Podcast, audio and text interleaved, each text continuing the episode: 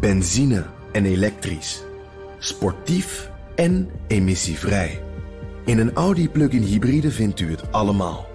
Ervaar de A6, Q5, Q7 en Q8 standaard met quattro vierwielaandrijving.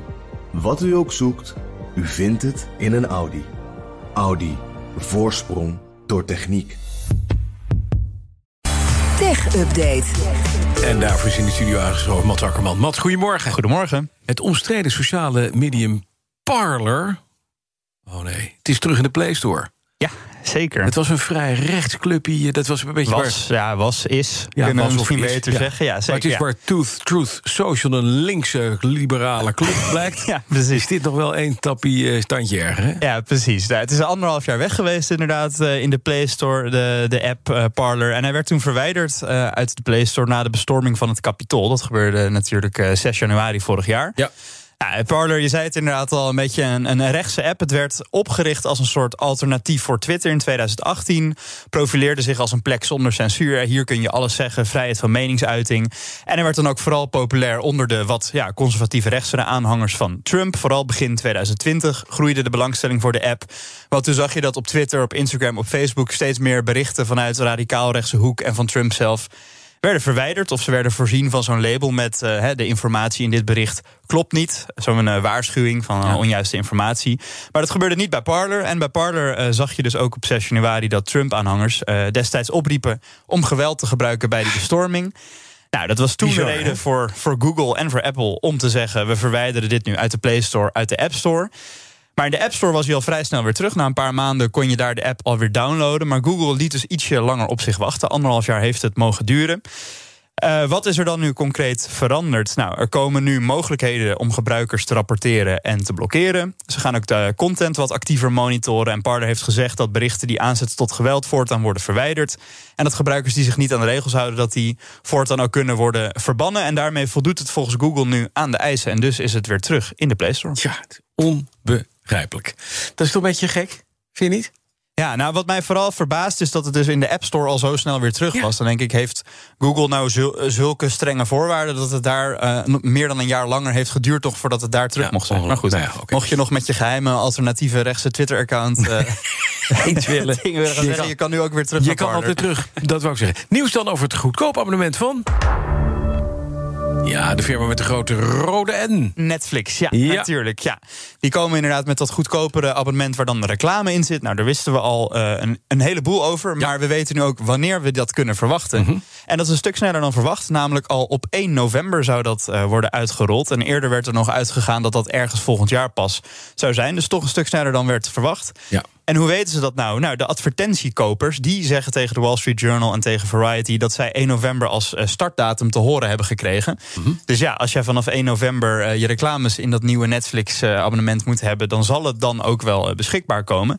En eh, nog wel een leuk detail daarbij is dat het dan net iets eerder zou komen dan de reclameversie van Disney Plus. Want die verschijnt pas in de tweede week van december. Dus het lijkt ook een beetje een manier te zijn voor Netflix om Disney op deze manier af te troeven. af te troeven. En dat gaat ze dan misschien ook wel aardig lukken. Eventjes naar eh, eh, een, wat, wat weten we? Wat, wat kost het? Wat, is dat al duidelijk? Ja, wat we weten is dat er per uur vier minuten reclame zou komen. Ja. En dat het dan bij films vooraf zou zitten, bij series ook soms halverwege. Nieuwe releases zouden dan soms worden uitgezonderd. Kinderseries zouden ook reclamevrij zijn.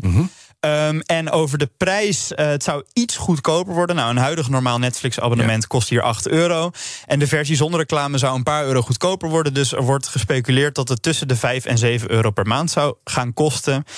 Eh, en waar het dan verschijnt? Nou, in ieder geval komt 1 november in de Verenigde Staten die reclameversie Ja. van Netflix beschikbaar. En hier in Europa zouden in ieder geval Duitsland en Frankrijk het krijgen. Maar of Nederland het meteen vanaf de release krijgt, weten we nog niet. Dat weten we nog niet. Oké, dan even naar een concurrent van Netflix, Amazon Prime. Want die hebben een succes te pakken met deze serie.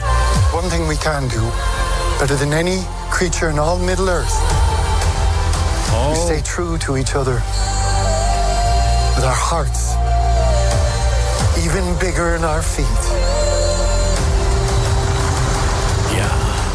Klinkt als grote, harige voeten. Ja, ja, dan, denk je, dan, denk je, gelijk aan Hobbits natuurlijk. Aan Hobbits, ja. ja Klopt, we, horen, we, horen, hier uh, The Lord of the Rings, The Rings of Power. Hè, de nieuwe serie die zich duizenden jaren afspeelt... voor die mega succesvolle Lord of the Rings films en de Hobbit films. Hè, die, hele, die hele grote serie. Nou, de première van het eerste seizoen, dat was afgelopen vrijdag. En die mhm. trok tot nu toe 25 miljoen kijkers. En het is daarmee de best bekeken première tot nu toe ooit op Amazon Prime. Dus die hebben een lekker succes te pakken. En dat is maar goed ook, want het heeft behoorlijk wat gekost, die serie. Het is de duurste serie mhm. ooit gemaakt. Amazon legde tot nu toe voor The Rings of Power 465 miljoen dollar neer. En in totaal zouden ze er meer dan 1 miljard dollar aan Een miljard voor een televisieserie met grote platvoeten? Ja, precies. Ja. Maar dan gaat het ook niet om één serie, want dit is nu de eerste aflevering ah, van het eerste seizoen.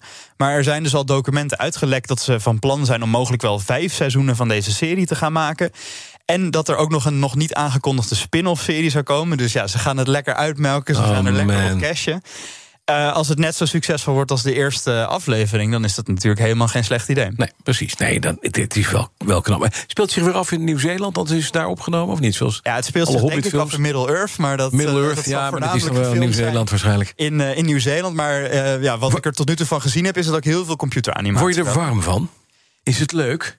Ik heb al gekeken. Ja, en? Ja, de eerste twee afleveringen. Het is, het is heel mooi. Het is echt heel maar erg keek mooi. je ook al naar Lord of the Rings en The Hobbit? Ja, ja, en dat heb ik allemaal gezien. Ik vond The Hobbit vreselijk. Maar dat was omdat ze, zeg maar... Uh, kijk, Peter Jackson had natuurlijk in eerste instantie met The Lord of the Rings... had hij een gigantisch boek, 1500 pagina's of zo. En dat werd dan negen uur film. Drie, drie, afde drie afleveringen.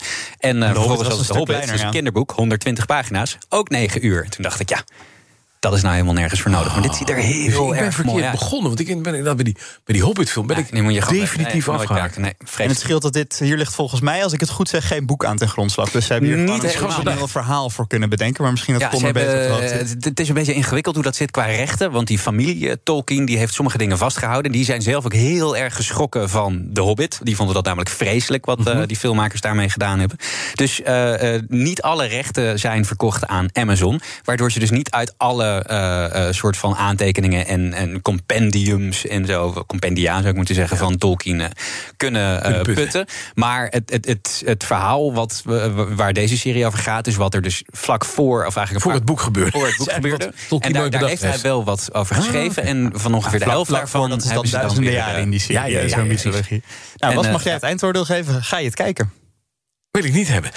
Ik weet het niet, ik weet het niet. Ik weet het niet. We gaan het zien. Ik, ik, ik, zal eens kijken. ik, heb geen Amazon Prime, dus ik kan nee, Ik heb Amazon Prime en ik wacht op de nieuwste aflevering van de Grand Tour. Want de ex-mannen van uh, uh, Top Gear... die hebben een opname gemaakt in het noorden van Zweden.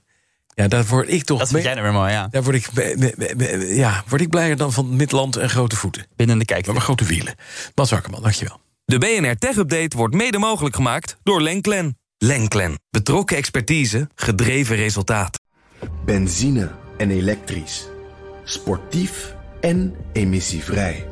In een Audi plug-in hybride vindt u het allemaal. Ervaar de A6, Q5, Q7 en Q8 standaard met quattro vierwielaandrijving. Wat u ook zoekt, u vindt het in een Audi. Audi. Voorsprong door techniek.